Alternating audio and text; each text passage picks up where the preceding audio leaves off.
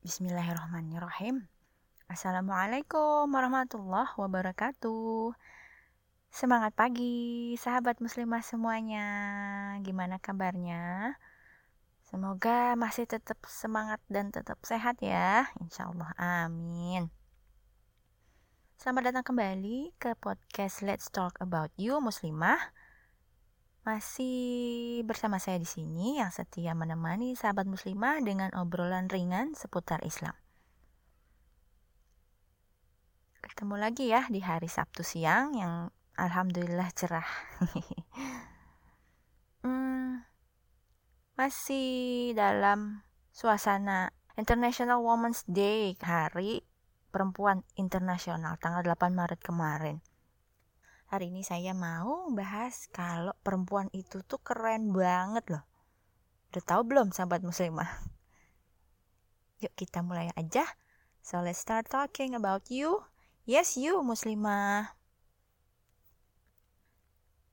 Perempuan waktu kecil itu membuka pintu surga buat ayahnya. Aisyah radhiyallahu anha berkata, Seorang ibu bersama dua putrinya menemuiku meminta makanan. Akan tetapi dia tidak mendapati sedikit makanan pun yang ada padaku kecuali sebutir kurma. Maka aku pun memberikan kurma tersebut kepadanya. Lalu dia membagi sebutir kurma tersebut untuk kedua putrinya. Dan dia tidak makan kurma itu sedikit pun.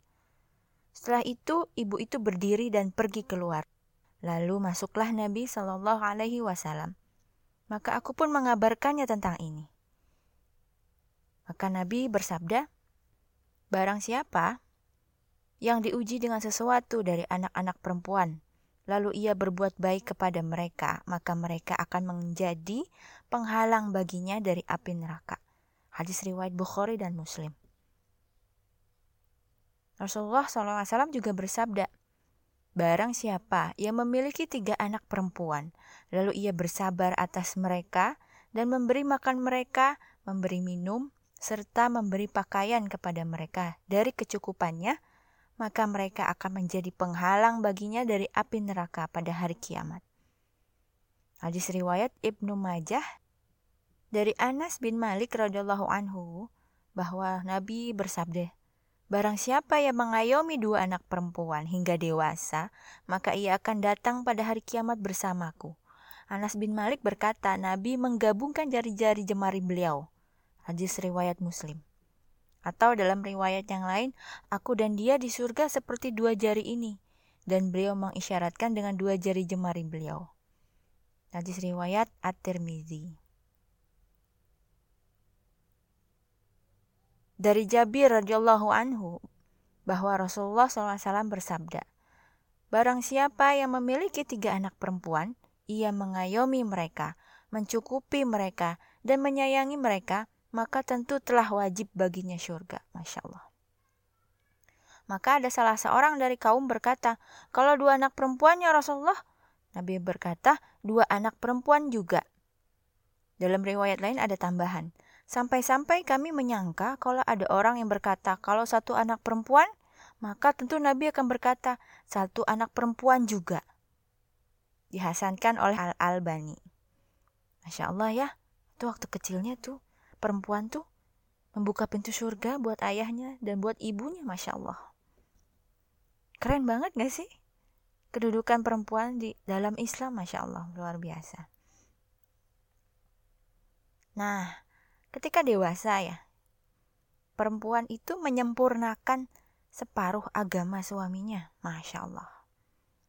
Ah, seperti yang sahabat muslimah tahu pastikan ada dalam Quran surat Ar-Rum ayat 21 itu yang biasa ada di uh, apa undangan nikahan biasanya yang artinya dan di antara tanda-tanda kekuasaannya ialah dia menciptakan untukmu istri-istri dari jenismu sendiri supaya kamu cenderung dan merasa tentram kepadanya, dan dijadikannya di antaramu rasa kasih dan sayang.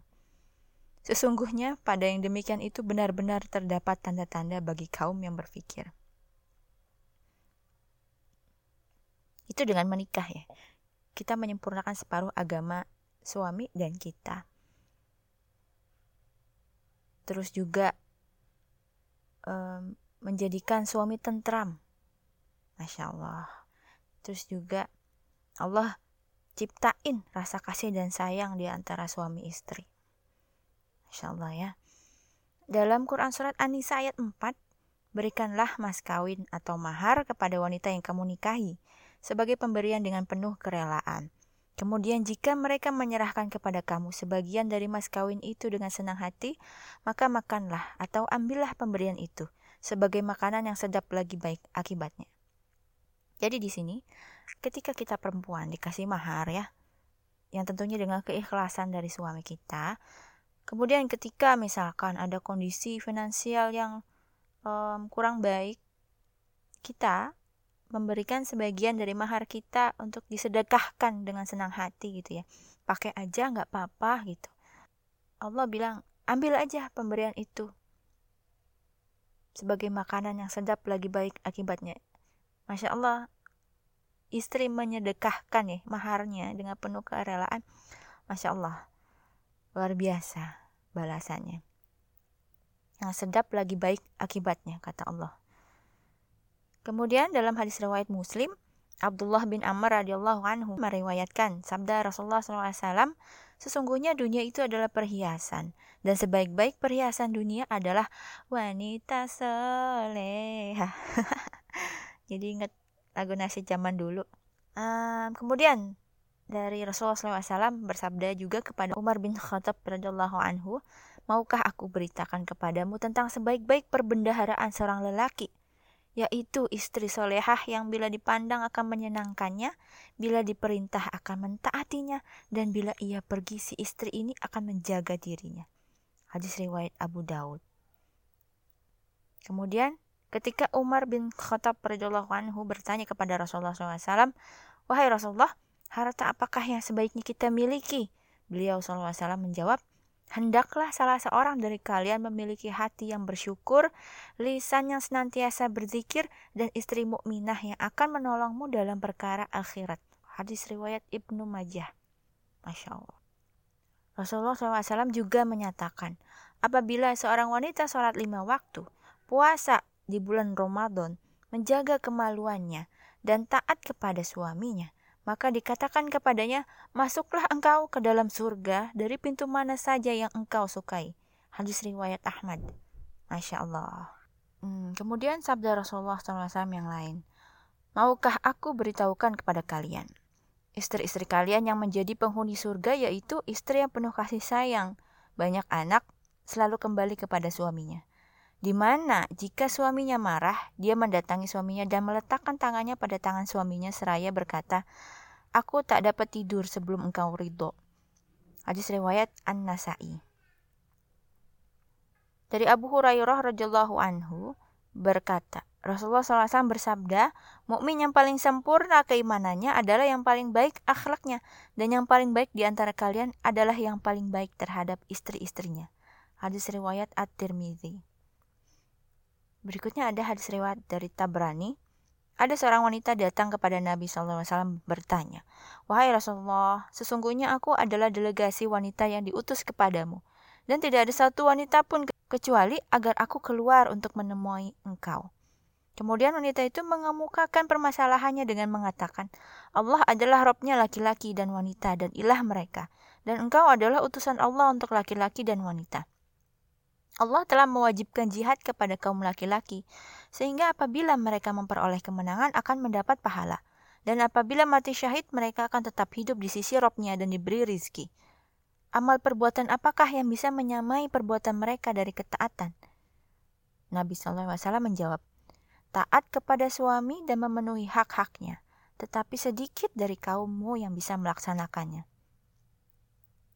Pada nasihat beliau yang lain, Rasulullah SAW berkata, Perempuan mana saja yang meninggalkan dunia sementara suaminya meridoinya pasti masuk surga. Hadis riwayat Tirmizi dan Ibnu Majah. Masya Allah ya. Itu ketika kita menjadi seorang istri. Keren banget gak sih? Ah, kalau saya bilang, ah, Masya Allah. Benar-benar luar biasa. Posisi perempuan dalam Islam. Nah, ketika jadi ibu nih udah punya anak perempuan jadi penggerak semua doa dan dimuliakan oleh Allah dengan menempatkan surga di telapak kaki perempuan. Ada dalam Quran surat Al-Luqman ya, ayat 14. Dan kami perintahkan kepada manusia berbuat baik kepada kedua orang ibu bapaknya. Ibunya telah mengandungnya dalam keadaan lemah yang bertambah-tambah dan menyapihnya dalam dua tahun. Bersyukurlah kepadaku dan kepada kedua orang ibu bapakmu, hanya kepadakulah kembalimu. Ada lagi dalam Quran Surat Al-Ahqaf ayat 15. Kami perintahkan kepada manusia supaya berbuat baik kepada dua orang ibu bapaknya. Ibunya mengandungnya dengan susah payah dan melahirkannya dengan susah payah pula. Mengandungnya dan menyapihnya adalah 30 bulan. Sehingga apabila dia telah dewasa dan umurnya sampai 40 tahun dia berdoa, Ya Tuhanku, tunjukilah aku untuk mensyukuri nikmat Engkau yang telah Engkau berikan kepadaku dan kepada ibu bapakku, dan supaya aku dapat berbuat amal yang soleh yang Engkau ridhoi. Berilah kebaikan kepadaku dengan memberi kebaikan kepada anak cucuku. Sesungguhnya aku bertaubat kepada Engkau dan sesungguhnya aku termasuk orang-orang yang berserah diri. Dalam Quran Surat Al-Ankabut ayat 8 dan kami wajibkan manusia berbuat kebaikan kepada dua orang ibu bapaknya. Dan jika keduanya memaksamu untuk mempersekutukan aku dengan sesuatu yang tidak ada pengetahuanmu tentang itu, maka janganlah kamu mengikuti keduanya. Hanya kepadakulah kembalimu. Lalu aku kabarkan kepadamu apa yang telah kamu kerjakan. Dalam Quran Surat Al-Isra ayat 23 sampai 24. Dan Tuhanmu telah memerintahkan supaya kamu jangan menyembah selain dia, dan hendaklah kamu berbuat baik pada ibu bapakmu dengan sebaik-baiknya. Jika salah seorang di antara keduanya atau kedua-duanya sampai berumur lanjut dalam pemeliharaanmu, maka sekali-kali janganlah kamu mengatakan kepada keduanya perkataan "ah", dan janganlah kamu membentak mereka, dan ucapkanlah kepada mereka perkataan yang mulia dan rendahkanlah dirimu terhadap mereka berdua dengan penuh kesayangan dan ucapkanlah, Wahai Tuhanku, kasihilah mereka keduanya, sebagaimana mereka berdua telah mendidik aku waktu kecil. Dalam hadis riwayat Bukhari dan Muslim, Wahai Rasulullah, siapakah orang yang paling berhak untuk kupergauli dengan baik? Beliau berkata, ibumu. Laki-laki itu kembali bertanya, kemudian siapa? Tanya laki-laki itu. Ibumu, jawab beliau. Kemudian siapa? Tanyanya lagi. Kemudian ayahmu, jawab beliau. Ibumu ini diulang sampai tiga kali ya. Baru kemudian dijawab ayahmu. Dalam hadis riwayat Anasai, Ahmad dan At-Tabrani dari Muawiyah bin Jahimah di mana beliau pernah mendatangi Rasulullah SAW dan bertanya, Ya Rasulullah, aku ingin ikut dalam peperangan. Tapi sebelumnya aku minta pendapat Anda. Rasulullah SAW bertanya, apakah kamu masih punya ibu? Punya, jawabnya. Rasulullah SAW berkata, jagalah beliau, karena sesungguhnya surga itu di bawah kedua telapak kakinya. Dalam hadis riwayat Bukhari dan Muslim, dari sahabat Abu Abdirrahman Abdullah bin Mas'ud anhu yang artinya dari Abdullah bin Mas'ud berkata, Aku bertanya kepada Nabi SAW tentang amal-amal yang paling utama dan dicintai Allah. Nabi SAW menjawab, pertama, sholat pada waktunya, atau riwayat lain disebutkan sholat di awal waktu. Kedua, berbakti kepada orang tua. Ketiga, jihad di jalan Allah. Dalam hadis riwayat Ahmad, Abu Daud, Al-Baihaqi, dan Al-Hakim, Barang siapa yang membaca Al-Quran dan mengamalkannya, maka ia akan memakaikan kepada kedua orang tuanya mahkota yang sinarnya lebih terang daripada sinar matahari di dunia pada hari kiamat nanti. Kalaulah sekiranya ada bersama kalian, maka apa perkiraan kalian tentang orang yang mengamalkannya Al-Quran? Terakhir ada dari hadis riwayat Bukhari, Ibnu Hibban, Tirmizi dan Hakim. Dari Abdullah bin Amr bin Ais radhiyallahu anhu dikatakan kepada Rasulullah SAW bersabda, Ridho Allah tergantung kepada keridoan orang tua, dan murka Allah tergantung kepada kemurkaan orang tua. Masya Allah ya. Jadi ketika seorang perempuan udah jadi ibu, Allah menganugerahkannya satu senjata yang amat sangat ampuh di muka bumi. Apakah itu? Itu adalah lisannya, ucapannya. Lisannya pemberat timbangannya. Lisannya akan menjadi pembuka pintu-pintu langit. Ucapannya akan diijabah. Doanya akan diangkat tanpa penghalang. Doa ibu akan mampu menjadi penghancur kesulitan bagi anak keturunannya. Dan mengeluhnya seorang ibu akan menjadi pemberat langkah setiap anggota keluarganya, termasuk bagi suaminya. Karena keluhannya akan jadi kenyataan juga. Sebagaimana harapan dan doanya yang menjadi kenyataan. Ucapan buruknya akan jadi musibah bagi diri dan keluarganya. Maka berhati-hati kita perempuan yang sudah punya anak, sudah jadi ibu, ketika menggunakan senjata terampuh ini. Kita gunain untuk bermunajat minta kepada Allah agar suami kita dimudahkan dalam mencari nafkah, selalu dilindungi, jangan mengeluhkan tentang dirinya. Gunain buat bermunajat minta kemudahan dan kesolehan atas anak-anak kita Jangan mengeluhkannya, karena itu akan menjadi benar adanya. Allah alam bisawab. Tuh, coba sahabat muslimah dari apa yang udah saya jabarkan ya. Yang saya bilang dari tadi, Masya Allah. Perempuan tuh keren banget gak sih? Iya gak sih? Ah, gak bisa dibayangin. Dalam agama lain, perempuan posisinya apa? Iya semulia ini, sekeren ini? Pernah gak sih kita berpikir? Beruntung banget kita tuh di agama Islam. Menganut agama Islam tuh kita beruntung banget. Masya Allah. Luar biasa. Uh, speechless. Gak bisa berkata apa-apa. Sebegitu kerennya posisi perempuan dalam Islam Alhamdulillah semoga ada manfaatnya untuk sahabat muslimah ya kesalahan datangnya pasti dari saya pribadi mohon maaf lahir batin Insya Allah kita akan ketemu lagi uh, Sabtu depan.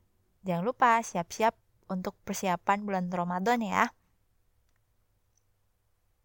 Terima kasih sudah mendengarkan podcast saya hari ini. Assalamualaikum warahmatullahi wabarakatuh.